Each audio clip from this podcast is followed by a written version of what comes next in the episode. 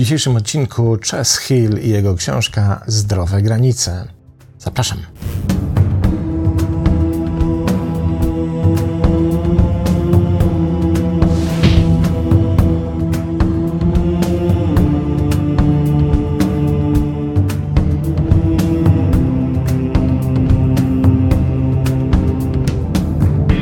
Nie wiem, czy pamiętacie, na temat granic opowiadaliśmy przy okazji innej książki.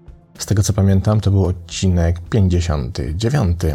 Ale tym razem sięgnąłem po książkę z 2021 roku, czyli de facto sprzed roku, która jest jakby kontynuacją tamtego tematu, jednocześnie dość znacznie tamten temat naszych granic pogłębiając. I pomyślałem sobie, że warto do tej książki sięgnąć chociażby z jednego powodu, dlatego że oczywiście ta książka nie ukazała się jak poprzednia na rynku polskim, ale w ogóle temat naszych granic wydaje się w Polsce w literaturze fachowej, podręcznikowej, w literaturze psychologicznej pomijany. Ja przynajmniej nie kojarzę, żeby na ten temat autorzy się chętnie rozpisywali. Być może to wynika z jakichś naszych mentalnych ograniczeń, w których bardzo się boimy, że kiedy byśmy dopilnowali naszych granic, to tym samym sprawimy komuś przykrość. Ale zacznijmy od tego, kim jest autor. Chase Hill jest specjalistą do spraw rozwoju osobistego, zarządzania stresem i interakcji społecznych oraz autorem bestsellerów, m.in. książki How to Stop Overthinking, która szybko zdobyła pierwsze miejsce wśród bestsellerów Amazona zarówno w USA, jak i Wielkiej Brytanii.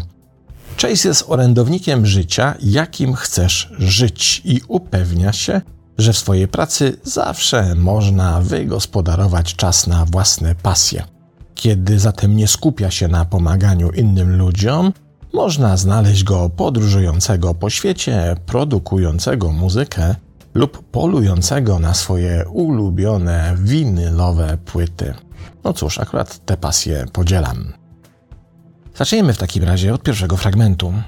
Jest tak wiele czynników, które przyczyniają się do wyznaczania granic, i za występowanie żadnego z nich nie powinieneś się obwiniać. Żyjemy w trochę takim świecie, w którym psy zjadają psy. I zamiast wspierać się nawzajem na drodze do szczytu, ci zbyt ambitni depczą innych. Manipulacja zaciera granice, które staramy się wyznaczyć, nie wspominając o dzisiejszym stanie umiejętności komunikacyjnych. Pewnej nocy przeglądałem media społecznościowe i zobaczyłem cytat, który bardzo mnie poruszył. Cytat ten brzmiał: Brak granic zachęca do braku szacunku. Pomyślałem wtedy, że może czas przestać pytać, dlaczego inni wciąż to robią, i zacząć pytać samego siebie, dlaczego wciąż na to pozwalam. Może wtedy nie zdawałem sobie z tego sprawy, ale to miał być punkt zwrotny w moim życiu. Zacząłem badać siłę słowa nie. Zauważyłem, że błędnie postrzegamy jako bycie miłym to, że usiłujemy spodobać się innym, ale tak naprawdę to jest główny powód istnienia niezdrowych granic. I właśnie to powoduje, że prowadzimy niespełniające naszych oczekiwań życie. Ale ta świadomość była tylko pierwszym krokiem. Zdrowa granica to taka, w której możesz czuć się komfortowo, wyrażając swoje myśli, uczucia oraz możesz wypowiedzieć słowo nie, nie po to, by utrudnić, ale dokładnie na odwrót, abyś mógł docenić bliższe związki. I to pierwsza rzecz, nad którą warto się zastanowić. Co wywołuje w nas, a dokładniej mówiąc, jakie uczucie wywołuje w nas sytuacja, w której stajemy przed potrzebą powiedzenia komuś nie? W każdym możliwym obszarze, we wszystkich możliwych sprawach, od najbardziej błahych i prozaicznych do istotnych, do takich, które ważą na naszym życiu, czy też są związane z naszymi ważnymi, istotnymi życiowymi wyborami. Co czujemy, kiedy chcemy komuś odmówić? Niekoniecznie chodzi o to, nie, nie chcę iść z tobą na piwo. Ale na przykład, wiesz, nie chcę, żeby nasza znajomość przekraczała kolejny poziom bliskości, bo mi to nie odpowiada. Trudne słowa. Dlaczego takie trudne? A może inaczej, dlaczego uważamy, że są trudne? Ponieważ zwróćcie uwagę, kiedy je wypowiadamy, zostaliśmy kulturowo zaprogramowani, by czuć poczucie winy, związane z tym, że kiedy wypowiemy tego typu przekaz do drugiej osoby, jej będzie przykro. Ona się obrazi, poczuje dyskomfort, że spowodujemy, że ona się po prostu gorzej poczuje. I jednocześnie, kiedy nie chcemy czuć takiego poczucia winy, więc nie wypowiadamy słowa nie, nawet wówczas, kiedy mamy na to słowo ochotę i kiedy zachodzi taka potrzeba. A kiedy nie wypowiadamy słowa nie, no to tym samym nie postawiliśmy żadnych granic, albo przynajmniej dość znacznie wpłynęliśmy na to, by w oczach innych osób te nasze granice zostały znacznie rozmyte. Nie dziwmy się wówczas, i o tym pisze autor, że zostają one przekroczone. Ponieważ nie tylko, że sami sobie ich nie uświadamiamy bardzo często, ale też nie informujemy o tym innych. I na początek autor proponuje przypomnieć sobie klasyfikację granic, bo nie zawsze pamiętamy, w jakich obszarach te granice są. I pisze w sposób następujący: Granice możemy sklasyfikować jako sześć kluczowych typów: fizyczne, emocjonalne, czasowe, seksualne, intelektualne i materialne. Fizyczne granice obejmują wiedzę, kiedy musisz odpocząć lub poświęcić trochę czasu dla siebie. Przykłady granic fizycznych: możliwość odpoczynku wtedy, kiedy potrzebujesz. Osoby z Twojego otoczenia szanujące Twoje potrzeby żywieniowe. To ciekawe, nie? że w granicach fizycznych jest na przykład taka granica, w której jeśli jesteś wegetarianinem, to naturalne powinno być, że jeśli idziesz na przyjęcie, to jest to tam szanowane, bo to jest Twój wybór. W Twojej granicy nie jesz mięsa. I tak naprawdę, czy nam się to podoba, czy też nie, nikomu nic do tego, z jakich powodów jesz to, co jesz, lub nie jesz tego, czego nie jesz. To Twoja sprawa, to są Twoje granice. I teraz wyobraźmy sobie sytuację, kiedy siedzisz na takim przyjęciu u cioci na imieninach, a ciocia do wegetarianina, który ma za sobą 10 lat życia w wegetarianizmie, mówi, no to może jeszcze kotlecik, no przestań, ten kotlet jeszcze nikomu nie zaszkodził, nie możesz aż tak wydziwiać. Czujesz się lepszy od nas, że nie chcesz jeść tego, co my. Zobaczcie, to jest przekroczenie granic. I to straszne, z którego bardzo wielu ludzi nie zdaje sobie sprawy. Dalej, posiadanie odpowiedniej ilości kontaktu fizycznego dla rodzaju związku, w którym jesteś. Na przykład jesteś w określonej relacji, jesteś w określonym związku i Twoje granice określają to, jak często i jak bliski będzie kontakt fizyczny w tym związku. Na ile często chcesz się do kogoś przytulić, bo na ile często chcesz, by ktoś przekroczył te granice Twojego komfortu fizycznego i się do ciebie zbliżył. I tu nie chodzi o związki romantyczne i związki oparte na przykład na współżyciu seksualnym, ale w ogóle o nasze wszystkie relacje. Na ile blisko pozwalasz, by ktoś się pojawił w twojej przestrzeni, jednocześnie przy zachowaniu twojego dobrego samopoczucia. Niezwykle ważna i istotna rzecz. I kolejna rzecz w granicach fizycznych. Prawo do posiadania osobistej przestrzeni we własnym domu. Cóż to za prawo? Otóż to prawo polega na tym, że masz swój wytyczony areał, niech to będą nawet dwa metry kwadratowe, ale jest twój, własny, nienaruszalny, w którym się dobrze czujesz, z którego cię nie wolno wyciągać, w którym ci nie wolno przeszkadzać, który chroni twoją prywatność, chroni twoją autonomię, chroni twoje samostanowienie o sobie. Dysponujesz czymś takim? Według mojej wiedzy bardzo wielu ludzi nie zwraca na to uwagi, a szkoda, bo to jest jedna z kluczowych rzeczy w kontekście granic fizycznych. Dalej, granice emocjonalne. Nasze granice emocjonalne należy ustalać z uwzględnieniem tego, jak się czujemy, a działa to w obydwie strony. To świadomość, że są emocje, którymi chcemy się dzielić, oraz uwaga, takie, które wolimy zachować dla siebie. Kiedy ktoś wyraża swoje uczucia, nie powinno się to wiązać z żadnym osądem ani potrzebą uzasadnienia. Emocji nie należy ani kwestionować, ani korygować. Jakie są przykłady granic emocjonalnych? To na przykład możliwość otwartego mówienia o swoich poglądach i opiniach, brak konieczności informowania innych o tym, jak się czujesz.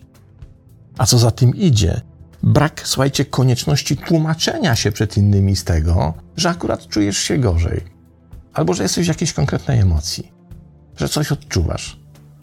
Nie musisz się z tego tłumaczyć, to jest Twoje. Kiedy ktoś wymaga od ciebie tego, żeby się z tego wytłumaczyć, to jednocześnie narusza Twoje granice. Ciekawe, prawda?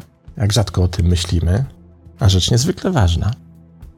Dalej, dzielenie się tylko tym na poziomie emocjonalnym, czym chcesz się podzielić. Oraz, co już mówiłem, brak konieczności uzasadniania swoich emocji. Granice czasowe wynikają z naszej autonomicznej wolności w zarządzaniu naszym czasem i przykłady granic czasowych, które podaje autor, na przykład masz prawo oczekiwać od kogoś przybycia na czas. Jeśli ktoś lekceważy to prawo, to tak naprawdę przekracza Twoje granice. To oznacza, że nie szanuje Twojego czasu, jeśli każe Ci na siebie czekać, mimo że byliście umówieni. To jest ewidentne przekroczenie granic czasowych. Przecież czujemy się w takiej sytuacji okropnie, czujemy się w takiej sytuacji źle. Czujemy się tak, jakby ktoś poddał pod wątpliwość naszą wartość. No bo jeśli ktoś nie uznaje, że nasz czas jest tak samo cenny jak jego, no to znaczy, że deprecjonuje naszą wartość, prawda? Kolejna rzecz w granicach czasowych respektowanie ograniczeń czasowych innych osób. Akceptacja, gdy ludzie nie mogą zorganizować danego wydarzenia z konkretnych powodów. Po prostu akceptujemy to, że ktoś ma określone problemy z czasem, które dla niego są ważne i które powodują, że czasem ten ktoś musi zmienić plany. To jest również respektowanie czyichś granic czasowych, a nie tylko myślenie o cudzych planach w kontekście własnych oczekiwań, prawda? No i oczywiście dotrzymywanie zaplanowanych ustaleń. Dalej, granice seksualne dotyczą naszej seksualności oraz tego, w jaki sposób chcemy o niej myśleć, a nie tego, jak inni każą nam to robić. Przykłady granic seksualnych szanowanie tego, gdy w dowolnych zalotach odpowiedź brzmi nie i nie drążenie dalej tematu, a na pewno nie, ale przemyśl to jeszcze raz, a może jednak tak. Wiecie, to jest absurd, ale bardzo często ludzie tak robią. Dalej. Mówienie i możliwość mówienia wprost o antykoncepcji. Otwartość na kwestie zdrowia seksualnego. Omawianie upodobań oraz niechęci. Nie, to mi nie odpowiada. Ja tego nie chcę. Nawet mi tego nie proponuj, bo to przekracza moje granice. To się nie mieści w moim pojmowaniu ludzkiej sfery seksualnej. Cokolwiek to jest, masz do tego autonomiczne prawo. No i w końcu prawo do niezgody na aluzję, czy też tematykę rozmowy naruszającą prywatność seksualną. Wiecie, ile razy mi się przydarzyło, pewnie wam też. Jestem sobie otóż w jakimś towarzystwie i nagle ktoś pretendujący do bycia duszą towarzystwa opowiada jakiś naprawdę obrzydliwy, wulgarny, seksualny dowcip, nie wiem, uprzedmiotowujący wszystkich dookoła, kobiety, mężczyzn, wszyscy, którzy w tym dowcipie biorą udział. I ktoś mówi ten dowcip, i teraz widzimy wśród ludzi takie trochę zażenowanie, nie wiadomo co z tym zrobić, nie wiadomo jak się zachować. No niby fajnie i cool, ale tak naprawdę żygać się chce. Mamy prawo powiedzieć temu człowiekowi stary, no to nie jest rzecz, którą chciałbym słyszeć. Nie odpowiada mi tego typu podejście, nie odpowiada mi mówienie tego typu rzeczy. Nawet nie chcę podawać przykładów, bo naprawdę czasem są obrzydliwe i ludzie sobie z tego nie zdają sprawy. Rzucają takim hasłem i nie wiadomo co dalej, nie wiadomo co zrobić z oczyma. Nie wiadomo, gdzie się podziać, co zrobić, gdzie się schować. Coś obrzydliwego, a ludzie tego w ogóle czasem nie kumają. Kolejne granice myślę, że bardzo ciekawe granice intelektualne. Oznaczają one, że inteligentna, wszechstronna osoba potrafi dzielić się swoją wiedzą, poglądami i opiniami, a następnie z szacunkiem słuchać innych. Chętnie zainicjuje rozmowę, a nawet debatę, ale nigdy nie przekroczy granicy, która sprawia, że poczujesz się przy niej głupio. Bardzo trudne, ale niestety prawdziwe. Przykłady granic intelektualnych.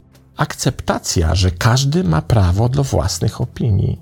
Zgoda na niezgodę. Okej, okay. inaczej to widzisz. Nie zgadzamy się, ale akceptuję to, że widzisz to inaczej. Przecież masz do tego prawo.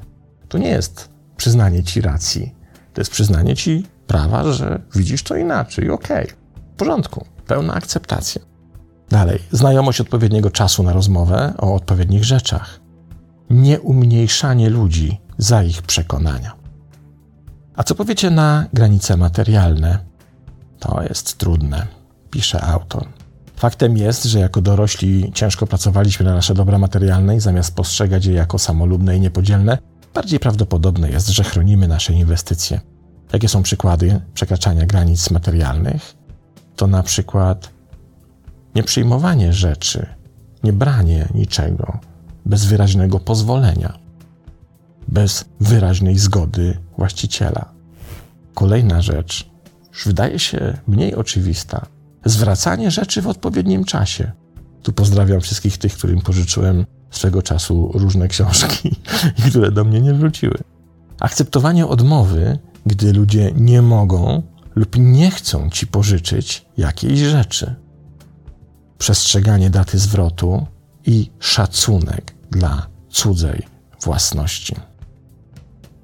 Sześć obszarów granic, które wymienia autor, a mnie korci, żeby dodać tutaj jeszcze jeden obszar. Granice społeczne.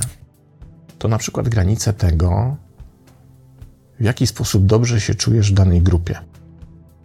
W jaki sposób chcesz i na głębokim poziomie wchodzić w określone relacje z innymi osobami. Gdzie jest ta granica komfortu, czyli ta granica, w której obszarze dobrze się czujesz. Czujesz się pewnie, czujesz się dobrze ze sobą, czujesz się odpowiednio na odpowiednim miejscu, a kiedy w relacjach z innymi ludźmi ta granica zostaje przekroczona. Gdzie jest na przykład granica bliskości? Co jest dla ciebie bliskością? Co jest definicją bliskości? Czy na pewno definicja bliskości, ta, którą podajesz, czy też rozumiesz we własnej głowie, jest tą samą definicją, którą mają ludzie, z którymi wchodzisz w interakcję? Jak często różnimy się pod tym względem? Albo na przykład definicja przyjaźni. Kiedy możemy powiedzieć o kimś, że się z nim przyjaźnimy? Kiedy możemy w ogóle użyć słowa przyjaciel? Jakie znaczenie nadajemy temu słowu? Co ono dla nas oznacza? I czy na pewno to samo oznacza dla drugiej osoby? Zobaczcie, jak wiele jest różnych wątpliwości co do obszaru naszych granic społecznych i jak rzadko zadajemy sobie takie pytanie, jak rzadko sobie uświadamiamy, gdzie one są i co powoduje, że zostają przekroczone. Podejrzewam, że gdybyśmy to zrobili, gdybyśmy zrobili taki prawdziwy rachunek sumienia, gdzie one się znajdują i żyli respektując nasze własne granice, moglibyśmy się uchronić przed bardzo wieloma nieprzyjemnymi społecznymi sytuacjami, po których później mamy kaca społecznego, po której czujemy się źle z samymi sobą, mamy do siebie pretensje, czemu się nie zachowałem w określony sposób, czemu nie zareagowałem na czas, czemu nie ochroniłem siebie w określonej sytuacji, tylko doprowadziłem do tego, co się później stało i co potem jest przedmiotem moich wyrzutów sumienia, czy też poczucie winy, nawet w stosunku do samego siebie. Każdy potrzebuje granic, pisze autor są jak nasze własne małe książeczki z zasadami. Kiedy wyobrażasz sobie swoje granice jako zasady, łatwiej jest zrozumieć ich znaczenie. Nie możesz grać w monopol lub piłkę nożną bez zasad. Jednak sposób, w jaki radzimy sobie z tym konfliktem, mówi o naszej inteligencji emocjonalnej, naszej zdolności do rozpoznawania i zarządzania naszymi emocjami oraz naszej zdolności do rozpoznawania emocji innych, jednocześnie doceniając, że możemy kontrolować tylko własne uczucia. To umiejętność życiowa, która pomoże ci w tak wielu trudnych sytuacjach. Kiedy ktoś nie przestrzega Twoich granic, albo Ty nie przestrzegasz granic innych, to osoba, która to czyni, toksykuje system danej osoby. Powoduje wiele dyskomfortowych odczuć, deprecjonuje wartość i lekceważy czyjeś prawo do godności.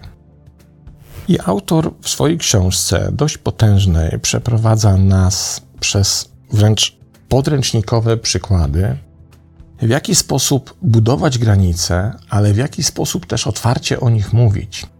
I mamy tam całe rozdziały poświęcone na przykład temu, w jaki sposób rozmawiać z własnymi rodzicami. Nie tylko wtedy, kiedy jest się nastolatkiem, czy też kiedy się wciąż jest lokatorem ich domu, ale kiedy jest się dorosłym człowiekiem. W jaki sposób budować taką relację z rodzicami, żeby stało się jasne, że oni również nie mają prawa przekraczać Twoich granic. W jaki sposób rozmawiać ze znajomymi, w jaki sposób rozmawiać z przyjaciółmi, w jaki sposób radzić sobie w takich sytuacjach rozmów w pracy.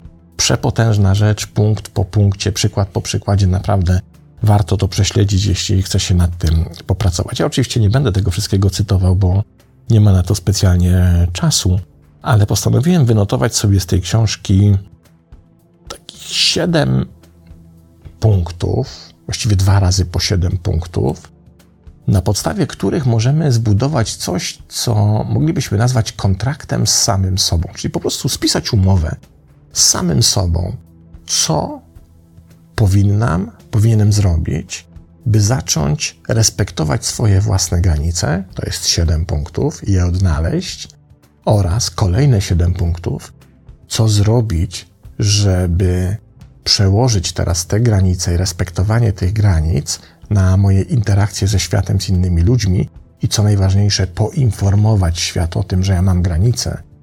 I to takie, które nie chcę, by ktokolwiek przekraczał, a jednocześnie respektować również to, że inni również mają takie granice. Pierwsze siedem punktów brzmi zatem następująco. Po pierwsze, chroń swoją energię. Po drugie, używaj technik wizualizacyjnych, by ją odbudować. Po trzecie, przemyśl swoje granice i zaakceptuj, że je masz. Po czwarte, odważ się powiedzieć nie w kluczowych sytuacjach. W niekluczowych jest łatwiej, ale każda taka kluczowa sytuacja, w której odważysz się na powiedzenie nie, wzmocni cię nieprawdopodobnie, nieprawdopodobnie doda ci sił i sprawi, że za każdym kolejnym razem będzie ci łatwiej się chronić. Po piąte, zaufaj swojemu instynktowi. Znasz się lepiej niż ktokolwiek inny, a ciało informuje cię o przekroczeniu granic, zanim jeszcze zostaną przekroczone. Niezwykle ważna rzecz. Szóste. Stwórz miejsce, o tym już była mowa, stwórz miejsce mocy w Twoim domu, mieszkaniu. Autor nazywa to ładującym dokiem, miejscem pełnym ciepła i pozytywnej energii, w którym się możesz właśnie doładować. I po siódme, pokochaj siebie. A to nie ma nic wspólnego z egoizmem, a bardzo wiele z szacunkiem. I siedem punktów w kontekście naszych interakcji z otoczeniem. Po pierwsze, komunikuj swoje granice jasno, precyzyjnie i bez wahania. Wiem, że to trudne, ale warto ćwiczyć. Po drugie, pozwól, by inni byli świadomi tego, jak ich zachowanie wpływa na Twoje samopoczucie. Po trzecie, bądź gotów do wsparcia innych, ale nie do zrobienia dla nich wszystkiego. Po czwarte, kiedy chcesz udzielić wsparcia, najpierw poczekaj na potwierdzenie, że takie wsparcie jest przez kogoś oczekiwane, zanim go udzielisz. Po piąte, nie toleruj zachowań toksycznych w swoim otoczeniu, nawet w najlżejszej formie. Po szóste, ucz innych, jak ważna jest samoopieka poprzez stanie się jej najlepszym wzorem. I po siódme, uświadamiaj innych w odpowiedzialności za siebie samych oraz własne zachowania. Kolejna rzecz, czyli jakby w naszym cyklu druga odsłona tematu o granicach, jakże ważna i istotna w naszej psychicznej kondycji książka Chase'a Hilla z roku 2021, z sierpnia dokładnie, czyli sprzed roku. Bardzo, bardzo polecam i niech stanowi asumpt do tego, byśmy pomyśleli dzisiaj trochę o naszych granicach, ale także o tym, w jaki sposób jesteśmy w stanie respektować granice innych. To tyle. Pozdrawiam i do zobaczenia następnym razem.